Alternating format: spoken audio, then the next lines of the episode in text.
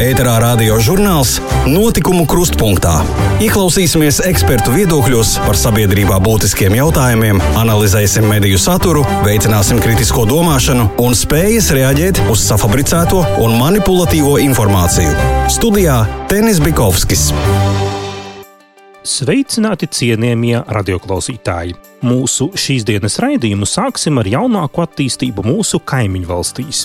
Vai sabiedrisko mediju iziešana no reklāmas tirgus dos gaidītos ienākumus Latvijas komercmedijiem? Cik liela ir summa, kas nepieciešama komerciālo televīzijas kanālu un raidstaciju atbalstam.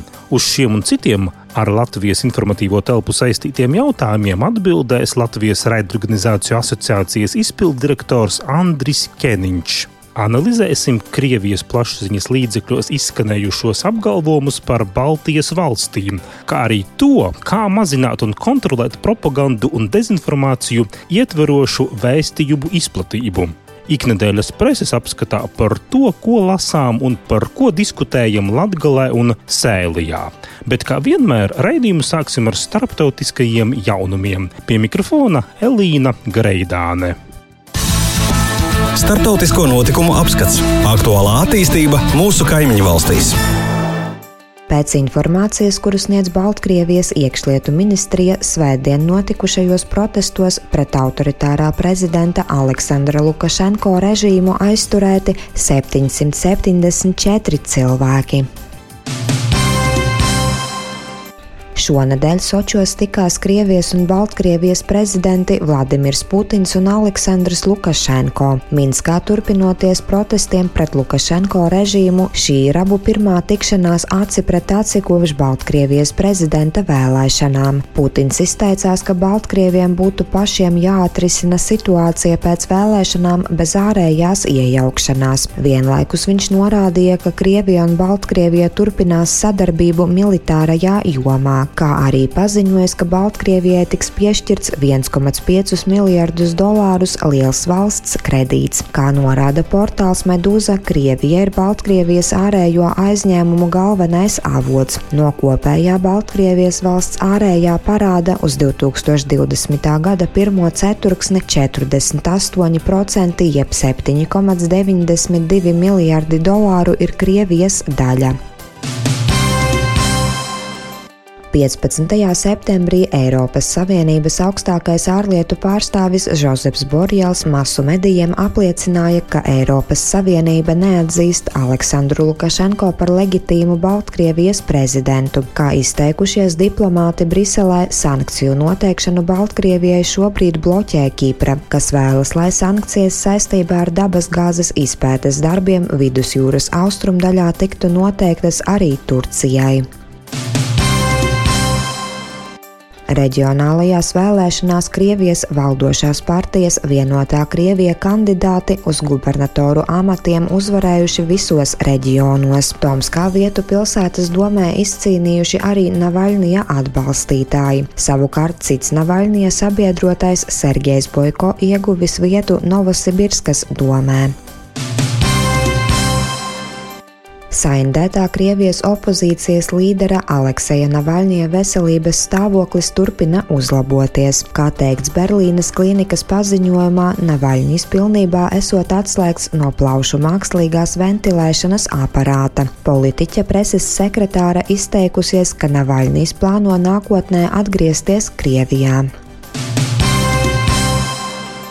Kā informē Igaunijas sabiedriskais medijs, zinātnieki, augstskolu mācību spēki un studenti nākuši klajā ar aicinājumu valdībai palielināt finansējumu, ko piešķir zinātnei un augstākai izglītībai līdz 1,5% no valsts iekšzemes koprodukta. Lietuvā no otrdienas visiem ieceļotājiem būs elektroniski jānosūta personas dati Nacionālajam sabiedrības veselības centram, ziņo sabiedriskā medija portāls LRT. Ja pasažieriem nav elektroniskās ierīces vai pieejas internetam, tūroperatoriem, pārvadātājiem vai viņu pārstāvjiem jānodrošina elektroniskās anketas aizpildīšana ar viņu ierīcēm. Tik tālu attīstība mūsu kaimiņu valstīs. Ēterā radio žurnāls Notikumu krustpunktā. Ieklausīsimies ekspertu viedokļos par sabiedrībā būtiskiem jautājumiem, analizēsim mediju saturu, veicināsim kritisko domāšanu un spējas reaģēt uz safabricēto un manipulatīvo informāciju. Studijā Tenis Bikovskis. Raidījuma turpinājumā - attīstība pašu mājās. Laikā, kad valdība meklē līdzekļus Latvijas radio un televīzijai, lai sabiedriskie mediji varētu iziet no reklāmas tirgus, trauksmes zvanu zvana Latvijas komerciālās radio un televīzijas. Latvijas raidorganizāciju asociācija vērsusies pie sabiedrības norādot, ka Latvijas interesēm atbilstoša informatīvā telpa ir uz sabrukšanas sliekšņa. Pie mikrofona esam aicinājuši Latvijas raidorganizāciju asociācijas izpilddirektoru Andri Čeniņu, lai noskaidrotu, kāpēc tāda situācija radusies. Nu, pēc būtības šī, šāda situācija nav nekāds jaunums. Jau. Mēs uz to pamazām virzamies jau vairākus gadus. Ir mainījusies mēdīja ekonomika, kas bija pirmais, nu jā, kā, kas notika jau neteiksim, gluži desmit gadus atpakaļ, bet no viņiem pamazām mainās. Un Latvijas um, iedzīvotāju skaits un reklāmas tirgus neļauj nodrošināt uh, Latvijas medijiem pietiekošus ienākumus uh, satura veidošanai. Un, un šajos globālajos konkurences apstākļos Latvijas mediji nespēja turēties pretī citu valstu informatīvajām telpām vai citu valstu mediju piedāvātajam saturam. Līdz ar to skatītāji un klausītāji pamazām aizplūst uz uh, citiem mēdījiem. Attiecīgi samazinās mūsu mēdīju ienākumi, mūsu mēdīju attiecīgi mazinās mūsu mēdīju iespējas ražot vietējo saturu. Tā ir tā, tā kā lavīna izveidojās, kur mēs nespējam apturēt. Jo mazāk skatītāju, jo mazāk reklāmas ienākumu, jo mazāk oriģināla satura un tam līdzīgi. Jo vienīgais veids, kā mēs Latvijas mēdīju var pretoties šai globālajai konkurencei, ir kvalitatīvs vietējais saturs. Bet, ja viņam nav naudas, tad mēs esam konkurētnespējīgi. Un šī tendence jau ir vairākus gadus, un par to jau mēs esam runājuši, un arī kaut kādā apjomā esam sadzirdēti. Un, un, un tam ir, lai šīs sekas mazinātu, ir tikuši piešķirti līdzekļi mēdīju atbalsta fondā, ir līdzekļi piešķirti elektroniskajai plašsaziņas līdzekļu padomei, satura veidošanai, bet, protams, šie līdzekļi nav bijuši pietiekami. Bet šis gads un, ir iezīmējies ar šo Covid krīzi kas ir atstājusi vai atstās ļoti, ļoti būtisku ietekmi uz uh, Latvijas medijiem, uz viņu iespējām veidot oriģinālu saturu. Tās aplēses, kas mums ir šobrīd, uh, ir, ka Latvijas, Latvijas mediju, bet tieši elektronisko mediju, radio un televīzijas uh, reklāmas ieņēmumi saruks no 20 līdz 30 procentiem. Attiecīgi, tās, tas, tas cipariskā izteiksmē tas ir no 9 līdz 13 miljoniem. Un ar šādu finansējumu samazinājumu Latvijas mediji vienkārši nespēs turpināt ražot vietējo saturu tādā apjomā vai tādā kvalitātē, kā tas ir bijis līdz šim. Līdz ar to mūsu iespēja pretoties ārvalstu teikt, mediju un mediju satura izteiktu invāzijai Latvijas informatīvajā telpā vēl vairāk samazināsies. Un tā tā ir lavīna, tad jo mums būs mazāk vietējā satura, jo mazāk mums būs iespēja nopelnīt, kā jau es teicu, un attiecīgi. Tā krīze ir tepatās. Un, ja tā tālāk izsakoties, tad šobrīd jau ilgstoši tas kociņš tiek lausts vai liekts. Un mēs par, to, mēs par to esam jau daudzus gadus runājuši, bet šobrīd šī Covid ekonomiskā krīze to kociņu vēl vairāk uh, saliekas. Un, uh, un mēs neizslēdzam, vai precīzāk redzam, ka tas vadis tūlīt lūzīs. Un at, atpakaļceļš būs daudz, daudz grūtāks nekā tas ir tagad. Ja mēs, piemēram, šobrīd investētu kaut kādus līdzekļus satura veidošanā, tad, uh, tad tās sekas varbūt nebūs tik lielas. Jo, ja tas vadis nolūzīs, salūzīs, un arī klausītājiem un skatītājiem izmainīsies šie mēdīņu lietošanas paradumi, viņi aizslēgsies cit, uz citiem saturiem, projām vai citām platformām, tad atgūt viņus atpakaļ Latvijas informatīvajā telpā būs ļoti grūti.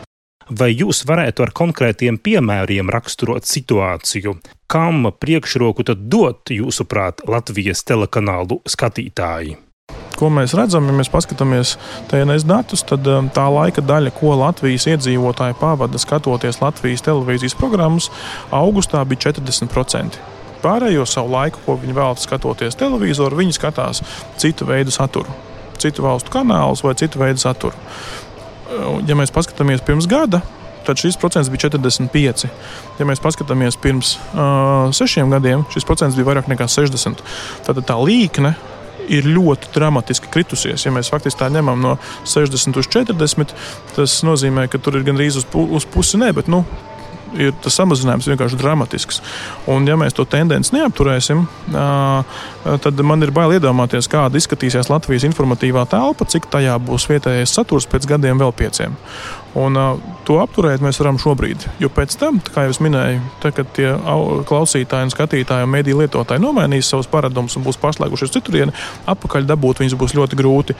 Un pirmais tāds, man liekas, ļoti, ļoti lielais trauksmes zvans arī ir parādījies šajos TNS datos ko mēs redzam, ka pirmo reizi, manuprāt, es tiešām neatceros, vai tā ir bijis, bet domāju, ka nav.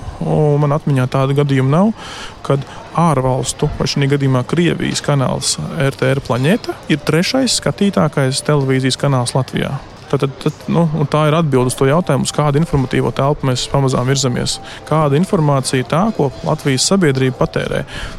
Tātad, lai šo problēmu risinātu, ir vajadzīga nauda, ir vajadzīgs finansējums. Paši mediji šo finansējumu nu, nevar nopelnīt tik, cik viņš būtu nepieciešams. Varbūt pašu mediju ir par daudz, varbūt jāizdzīvo būtu stiprākajam. Redziet, um, jā, nu, sāksim ar pirmo jautājumu daļu par, par finansējumu. Jā, te bez finansējuma mēs neiztiksim. Ir vajadzīgs, uh, ir vajadzīgs atbalsts vietējā satura veidošanai.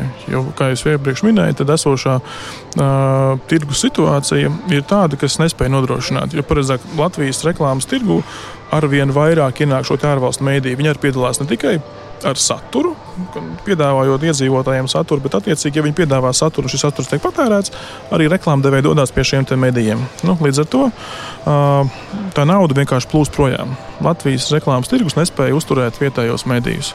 Tā būtu pirmā daļa. Attiecībā par otro jautājumu sadaļu, vai mums nav par daudz mediju, un kādam izdzīvo stiprākais, kaut kur es tam varu jums piekrist tādā apjomā, ja mēs skatāmies šauri uz, uz, uz, uz, uz mēdījiem, kuri varbūt nezinu, nepilda sabiedrības informēšanas, izglītošanas funkciju.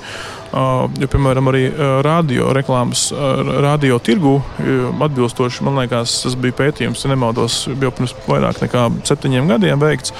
Latvijā ir viens no piesātinātākajiem radio tirgiem Eiropā uz vienu iedzīvotāju vai uz to mērvienību, nezinu, 100 tūkstošiem vai kaut kā tam līdzīga. Es tagad precīzi nepateikšu, bet jebkurā gadījumā secinājums tāds, ka Latvijā uz kaut kādu iedzīvotāju daudzumu ir pārāk daudz radiostacijas. Bet tāpat laikā tas ir tikai tāds skaitlisks. Ja mēs paskatāmies, cik no šīm radiostacijām, kuras Latvijā darbojās, taisa kvalitatīvu saturu, un uh, kuras vispār ražo saturu. Daudzas ir tādas, kas spēlē tikai nu, teikt, mūziku, bet kuras tiešām nodarbojās ar sabiedrības informēšanu, izglītošanu un kvalitatīvu izklēdēšanu. Tādu staciju ir ļoti maz. Salīdzinoši no tā kopējā apjoma. Līdz ar to, uh, un, un jebkurā gadījumā, lai, uh, lai, saka, lai mēs nodrošinātu to, ka cilvēki vienalga kādus, kādu tiešu saturu uh, patērē, bet lai viņi patērētu, nepatērētu citās valstīs, veidotu saturu, nedzīvotu citā informatīvajā telpā vai nedzīvotu citā kultūra telpā. Arī šīm radiostacijām, piemēram, kuras spēlē tikai mūziku, arī tām ir liela nozīme šī cīņā pret propagandu, pret dezinformāciju. Jo, vienkārši, jo vairāk mēs lietosim vietējos mēdījus, jo mazāk mums būs laika skatīties vai klausīties citus mēdījus. Tāpēc es domāju, ka mums šobrīd nebūtu jāšķiro teikt, tur, kvalitatīvāks, nekvalitatīvāks. Nu, tādā ziņā, ja viņam ir tikai mūzika vai viņam ir tikai informācija, tad informācija viņš ir kvalitatīvs, viņam nav informācijas, tad viņš ir nekvalitatīvs. Nē, arī tā ir informatīvās telpas sastāvdaļa. Arī mēdījiem ir jāizklaidē, arī mēdījiem ir jāatpūtina un, un jādod kaut kādas fona informācija. Bet, jebkurā gadījumā, ja šis mēdījis ir Latvijas mēdījis, Latvijā veidots, viņš strādā atbilstoši mūsu vērtībām. Un, un viņš dod iespēju, teikt, nevis dod iespēju, bet atņem iespēju uzturēties citā šajā kultūra vidē. Cik liels finansējums ir nepieciešams, lai vismaz šo situāciju stabilizētu? Nu, kā jau minēju, tad pēc mūsu aprēķiniem šis kritums reklāmas tirgū būs no 9 līdz 13 miljoniem eiro šogad. Protams, liels paldies valdībai, ministra kabinetam, kultūras ministrijai, finanšu ministrijai, Neplam par to, ka Covid krīzes sākuma periodā mēs tikām sadzirdēti un mums bija šis atbalsts, kas bija vairāk nekā miljons eiro. Bet, bet tas, diemžēl, nu, nav pietiekams, lai kompensētu tos zaudējumus, kas mēdījiem būs. Līdz ar to, lai mēs runātu par to, ka mēdīji vismaz, teiksim, tā nevis, nu, lai, lai viņi noturētos tādā esošajā līmenī, nu, es teiktu, ka te bez droši vien saviem astoņiem miljoniem eiro nu, neiztikt. Katru gadu. Es teiktu, ka droši vien būtu jābūt kaut kādam stabilam finansējumam katru gadu, vai tie ir astoņi, jo iespējams situācija mainās, uzlabojās. Nu, tur būtu pieļaujams, ka te būtu jāskatās. Bet, bet tam atbalstam ir jābūt pietiekoši adekvātam, atbilstošam katra gada situācijai. Bet kur šo naudu dabūt? Jūs noteikti teiksiet, ka tā jau ir valdības kompetence, bet kā jūs redzat, vai, vai būtu no kā pārdalīt, no kā atņemt? Nu, tā, jūs pareizi teicāt, tā nav mūsu kompetence. Mēs to nevaram pateikt. Mēs redzam to, ka, ka mēdī telpā šīs naudas nav. Mēs tāpat laikā redzam un saprotam, ka mēdī, gan sabiedriskie, gan komercmediji ir ļoti būtiska Latvijas informatīvās telpas un arī drošības, drošības sastāvdaļa. Par to runā gan mēdīju politikas dokumenti, gan arī nacionālās, nacionālās drošības koncepcija. Tas nav tikai stāsts par vienu, vienu komercveidu. Tas ir stāsts par demokrātijas pamatprincipiem. Aizsardzības ministrijai budžets ir liels. Varbūt tajā lauciņā vajadzētu skatīties. Es, es tiešām nevaru iezīmēt, no kurā lauciņā skatīties, bet tas ir ministriju un valdības jautājums. Viņi redz kopējo valsts finanšu situāciju, viņi redz, kur ir kādas iespējas un, un kā tur kaut kur varbūt pārvirzīt, nepārvirzīt. Es tiešām tā nav mūsu kompetence. Mēs esam, mēs esam Mēs esam gatavi izklāstīt un stāstīt par šo problēmu, par viņas risinājumiem, bet kur tam atrast finansējumu, to mēs nevaram norādīt. Jo skaidrs, ka droši vien arī katrā nozarē ir savas prioritātes un savas vajadzības. Mēs negrasamies arī pateikt, ka mēs esam kaut kādā ziņā. Nu, pārāki par kaut ko citu, bet, ja mēs skatāmies globāli, tad šīs informatīvā, informatīvās telpas drošība ir nacionālās drošības sastāvdaļa. Tad šobrīd ir jāpalīdz komercmedijiem. Un, uh, es esmu dzirdējis um, gan no politiķiem, gan no atsevišķiem, teiktu, nu, it kā sevi saucošiem par ekspertiem, mediju jautājumos viedokli par to, ka šobrīd iziešana no sabiedrisko mediju iziešana no reklāmas tirgus dos iespēju komercmedijiem, un attiecīgi tad nebūtu jāpalīdz viņiem no valsts puses. Tad es gribētu teikt, ka tas ir mīts. Jo tā nenotiksies. Tā būtu noticies, ja sabiedriskie mēdīji um, būtu izgājuši no reklāmas tirgus pirms desmit gadiem, kad Latvijas reklāmas tirgū piedalījās uh, tikai vietējie mēdīji. Uh, šī mēdīju digitalizācija vai mēdīņu ekonomikas, mēdīņu patēriņa maiņa, kas ir pēdējos sākusies pirms vairāk nekā desmit gadiem un šobrīd ar joni turpinās, um, ir radījusi to, ka mm, reklāmdevēji meklē ar vien jaunas iespējas un ja, reklamēties un sasniegt auditorijas. Līdz ar to, ja mēs vienkārši abstrahējoties paņemam, ja piemēram šodien, šodien vienā televīzijas programmā jau reklamējās kāds nezinu, veikala tīkls, piemēram, tad, ja sabiedriskie mēdī izies no reklāmas tirgus, tad viņi citā programmā televīzijas nepalielinās šo savu ekspozīciju skaitu. Bet uh, viņi, ko viņi izdarīs, viņi šo naudu aizplūd, šo naudu ieguldīs jaunās platformās, jaunās, uh, jaunos mediju veidos vai savādāk mēģinās sasniegt auditorijas. Un tā nauda neatnāks vairāk atpakaļ pie, pie, ne pie radio, ne pie televīzijas. Tāds par radušo situāciju ir Latvijas raidorganizāciju asociācijas izpilddirektora Andra Ķeniņa viedoklis. Mediju stiprināšanas nepieciešamība Latvijā iet roku rokā ar mūsu nākamo tematu. Krievijas plašsaziņas līdzekļos, kuri sasniedz arī Latvijas auditoriju, ik pa brīdim uzplaiksnī pārmetumi, ka Baltijas valstīs atdzimst fašisms un viedoklis, ka neskatoties uz pašreizējo integrāciju Eiropā, pasliktinoties ekonomiskai situācijai, neatliks nekas cits, kā atgriezties pie tradicionālās geogrāfiskās orientācijas, ar to domājot ciešāku sadarbību ar Krieviju. Turpina Andrejs Trokša. Melu dekonstrukcija. Šā gada 6. augustā Krievijas portāls Baltņūs.CLT publicēja rakstu ar nosaukumu Ceļā uz marginālo bedri. Baltija soļo pretī nacisma atzimšanai. Krievijas drošības padomes sekretārs Nikolais Patruševs intervijā Rasīskai gazetā izteicies. Citādi domājošo apspiešana, nekaunīga propaganda, lozungi, kuri satur agresīvi nacionālistisku ideju, rada auglīgu vidi neonacista kustības pastāvēšanai. Pēc viņa vārdiem, laikā, kad citās Eiropas valstīs šādas tendences uzskata par marginālām, Baltijas valstīs neofašisma un antisemītisma ideoloģijas kļūstot populāras ne tikai sabiedrībā, bet arī starp politiķiem. Paturševs atgādināja, ka pagātnē nacionālistiski lozungi noveda pie tā, ka daudzās pasaules valstīs 20. gadsimtā pie varas nāca fašistiski režīmi, kuri izvērsa mazu slepkavības. Šeit jāatzīmē, ka Patruševs aizmirsa pieminēt to, ka uz vārdā neminēto daudzo pasaules valstu fona 20. gadsimtā padomi komunistiskais režīms bija paraugs visiem tā laika totalitāriem režīmiem, un cilvēkus masveidā slepkavoja ar īpašu deksmi. Šāda Kremļa pārstāvja propaganda ir jāvērtē kā nepilnvērtīgas kompleksu kompensāciju, jo, kā rāda Krievijas propagandas analīze, klāji melīgu un naidīgu propagandu Krievija izvērš pret visām valstīm, kuras ir spējušas attīstīties ekonomiski, tehnoloģiski un celt sabiedrības labklājības līmeni. Savukārt jau iepriekš minētā Rasīskā gazeta šā gada 28. maijā publicēja rakstu, kurš bija veltīts triju Baltijas valstu okupācijai pirms 80 gadiem. Pats par sevi saprotams, ka portāla redakcija okupāciju nodēvēja par Baltijas valstu labprātīgu pievienošanos Padomju Savienībai.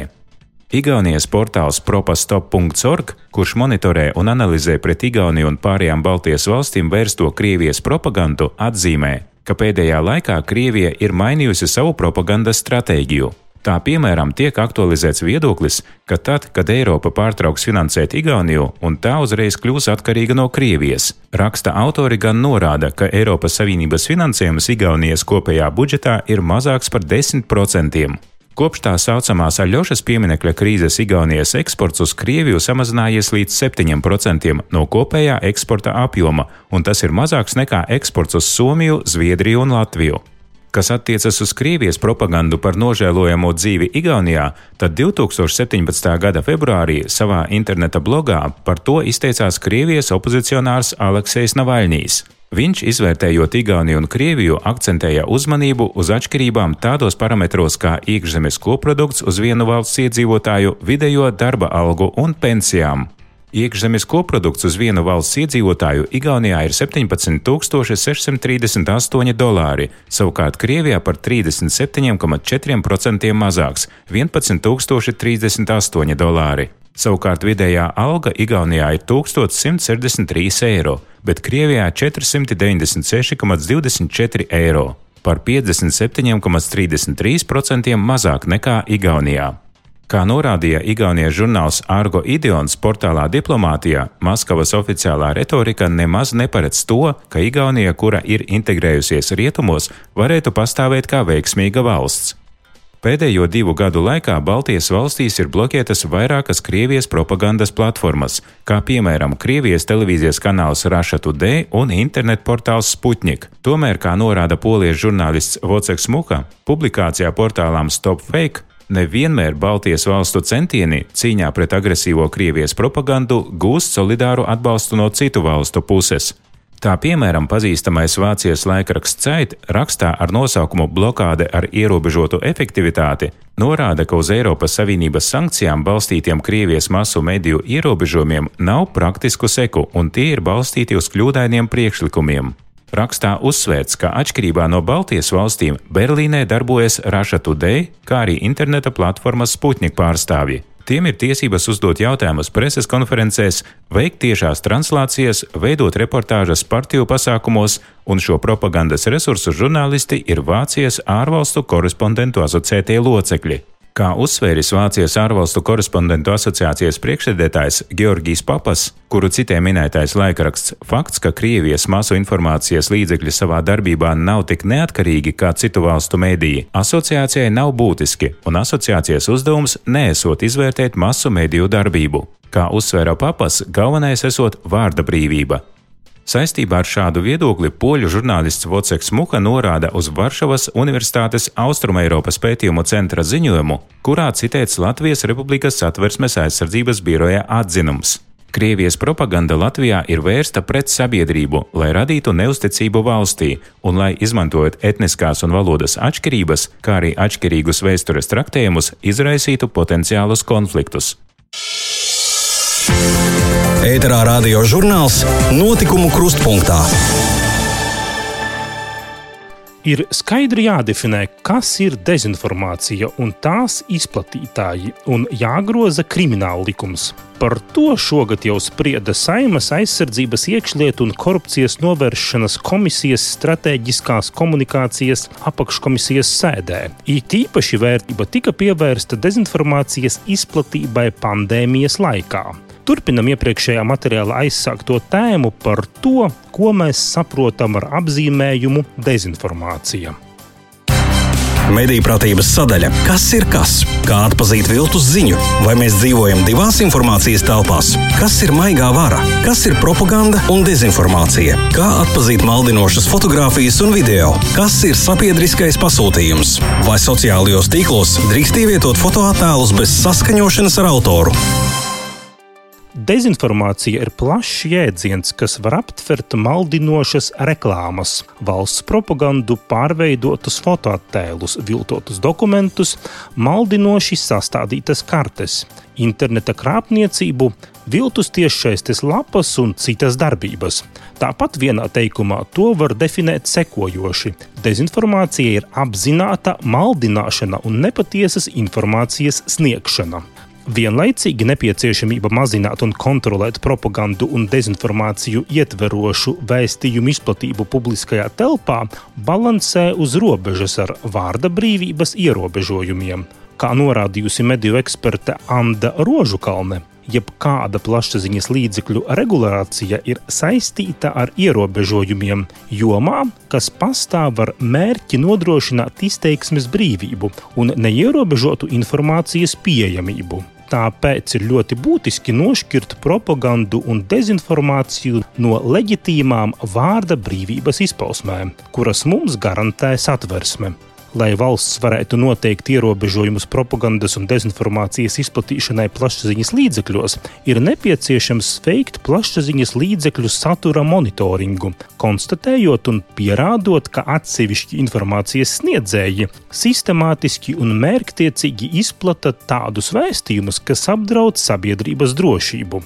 To veids Nacionālās elektronisko plašsaziņas līdzekļu padomes monitoringa centrs. Konstatētie pārkāpumi noveda pie Rašatu Dei mediju grupas programmu aizlieguma.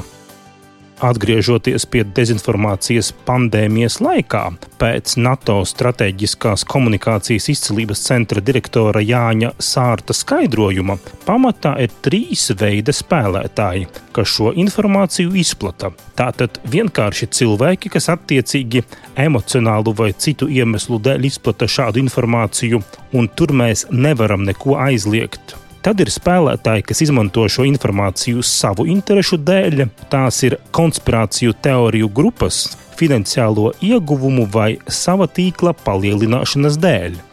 Un tad ir arī valstu spēlētāji, kas šo izmanto valsts nolūkā. Pēc sārta vārdiem visaktīvākās valstis ir Krievija un Ķīna. Dažādas dezinformācijas kampaņas pandēmijas sākumā tika vērstas arī pret NATO, tomēr Baltijas valstīs tās nesot izdevušās. Jānis Sārts uzskata, ka nepieciešams efektīvs rīks, ar kuru sociālo tīklu, interneta un televīzijas uzturētāji varētu dzēst viltus ziņas, jo komersanti pēc policijas lūguma nevienmēr to dara. Jāpiebilst, ka aktuālās medīpratības tēmas, viedokļu raksti un skaidrojumi atrodami LV portāls.CLV sadaļā Tavai medīpratībai, bet pētījumi par viltus ziņām un dezinformāciju lasāmi Baltijas pētnieciskās žurnālistikas centra Rebaltika mājaslapā. Bet raidījuma turpinājumā ieskats reģiona preses izdevumos un internetu portālos. Vārdu atkal dodu Elīnai Greidānei. Latvijas reģiona latviešu un krievu preses apskats. Portālā Rēzaknes ziņas .CLV varam lasīt par šonadēļ Daugopils domē notikušo tikšanos ar valsts uzņēmumu Latvijas dzelzceļš valdes priekšsēdētāju Māri Kleinbergu. Sarunu galvenā tēma bija darbinieku štata samazināšana, kas līdz ar gada beigām skars aptuveni 1500 cilvēkus Latvijā, jeb gandrīz ceturto daļu no visiem darbiniekiem. Kā zināms, tas atstājas lielu iespaidu arī uz darba ņēmējiem Latvijas otrajā lielākajā pilsētā. Jau augusta beigās Daugopilī bija reģistrējušies kā bezdarbnieki 238 bijušie dzelzceļa darbinieki.